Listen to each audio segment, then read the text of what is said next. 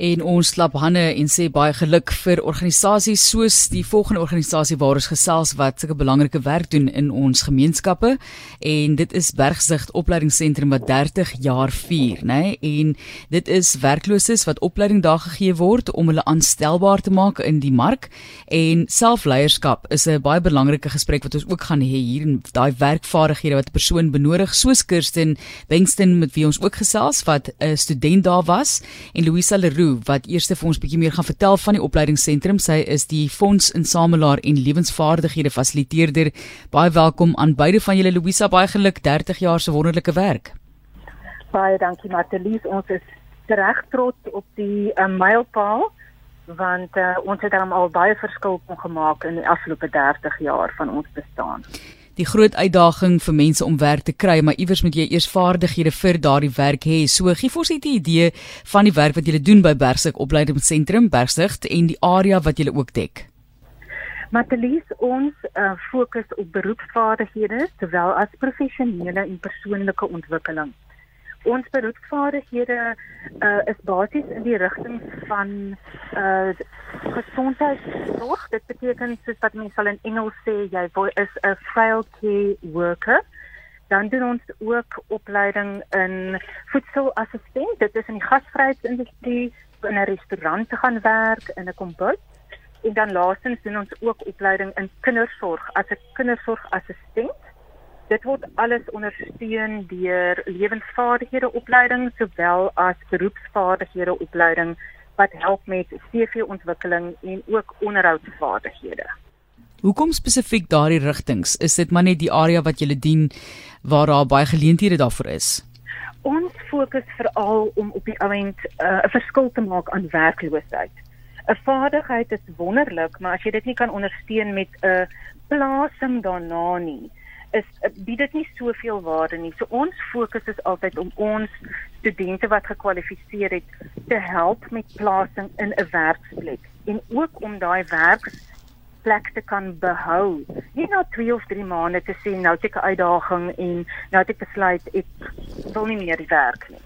So ons fokus geweldig op die behoud van werk en om vaardighede te hê om jou werk te kan doen in die eerste plek, maar om in die tweede plek ook uitdagings wat jy by die werksplek kan ervaar, daardie te kan bekamp met goeie lewensvaardighede.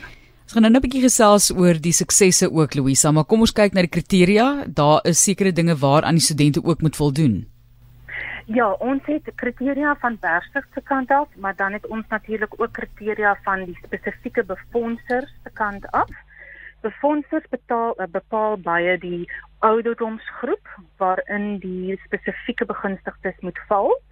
Dan uh, is dit belangrik vir ons dat elke begunstigde moet werkloos wees. Ehm um, en dan is daar ook ons het 'n graad 10 minimum uh kwalifikasie. Dit is wat ons CITAS ook vir ons bepaal en dan soek ons ook tweetalige kandidaate. So dit is ook vir ons belangrik. Nou ek sien dat ehm um, Kirsten wat ook saam met ons hier in die gesprek is, dit is nou Kirsten Bengtston, die gaan ook saamgesels en uh, jy het Kirsten Ehm um, ja, jy's 30 jaar getroud met 3 kinders. Ek sien jy het voorheen beroepe ja. gehad. Nou jy moet werkloos wees, maar tussen beroepe ja. kan 'n mens ook jy weet in so 'n vakuum beland waar jy nie werk het nie. En vertel vir ons 'n bietjie hoe het Bergsig opleidingsentrum wat nou hulle 3 dekades vier oor jou pad gekom of jy oor hulle pad? Ek het um gewerk by Kap Agri, Stellenbosch vir 7 jaar en ek het net besluit dat ek wil verder gaan leer. Ek wil iets doen met my lewe en ek het gekies vir die kinder um program, childcare. En dit was vir my die beste besluit wat ek nog ooit gedoen het in my hele lewe, as ek nou so mag stel. Nie net vir die feit dat ek hou van kinders nie, maar wat 'n impak dit gemaak het op my lewe.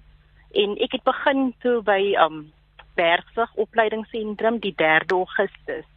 En ek het my iPower 12 program um voltooi en dit het regtig waar 'n groot verandering in my lewe gemaak.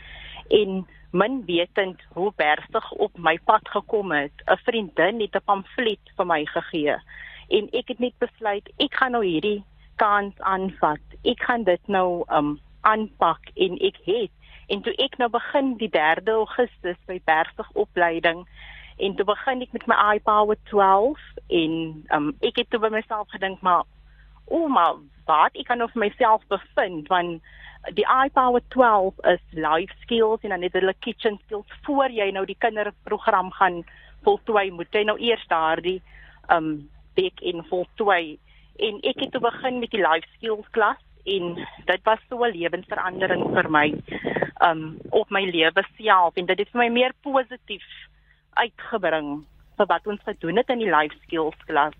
En so het Bersig 'n groot impak op my lewe gebring en um ek is baie dankbaar vandag dat Bersig vir Bersig opleidingsentrum en vir al die fasiliteerders wat 'n impak dit gemaak het op my lewe.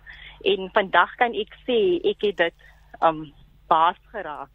En vandag kan ek kyk na kindertjies ek kan vir hulle emosioneel troos ek kan vir hulle leer vir wat ek geleer het in die childcare program ja, so dit was vir my baie, dit is vir my baie groot aanpassing. Is jy op die oomblik nou in die sal ek sê onderwys?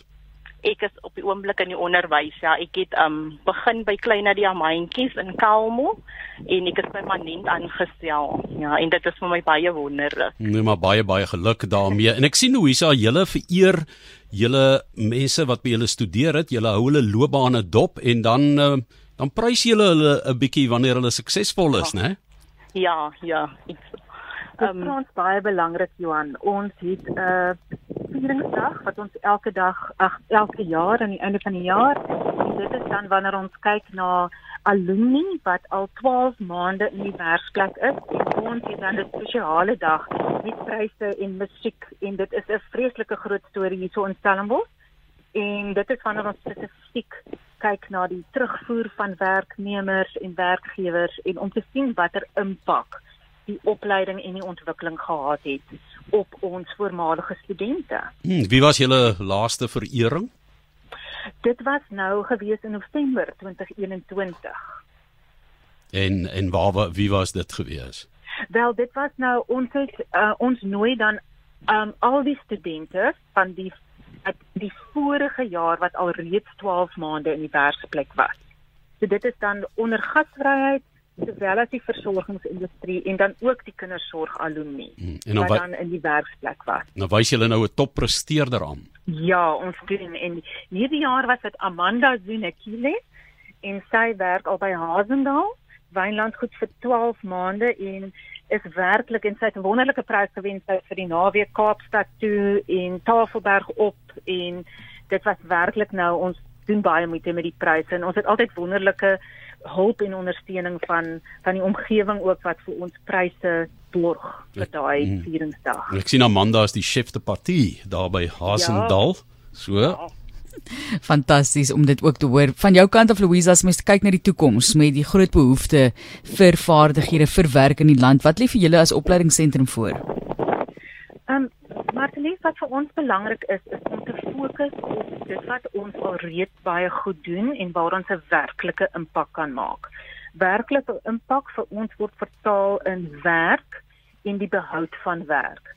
So ons is van plan om by die kursusse wat ons alreeds aanbied om by daai in daai areas nog steeds te fokus en dan natuurlik ook op die persoonlike en die professionele ontwikkeling van al ons kandidaate.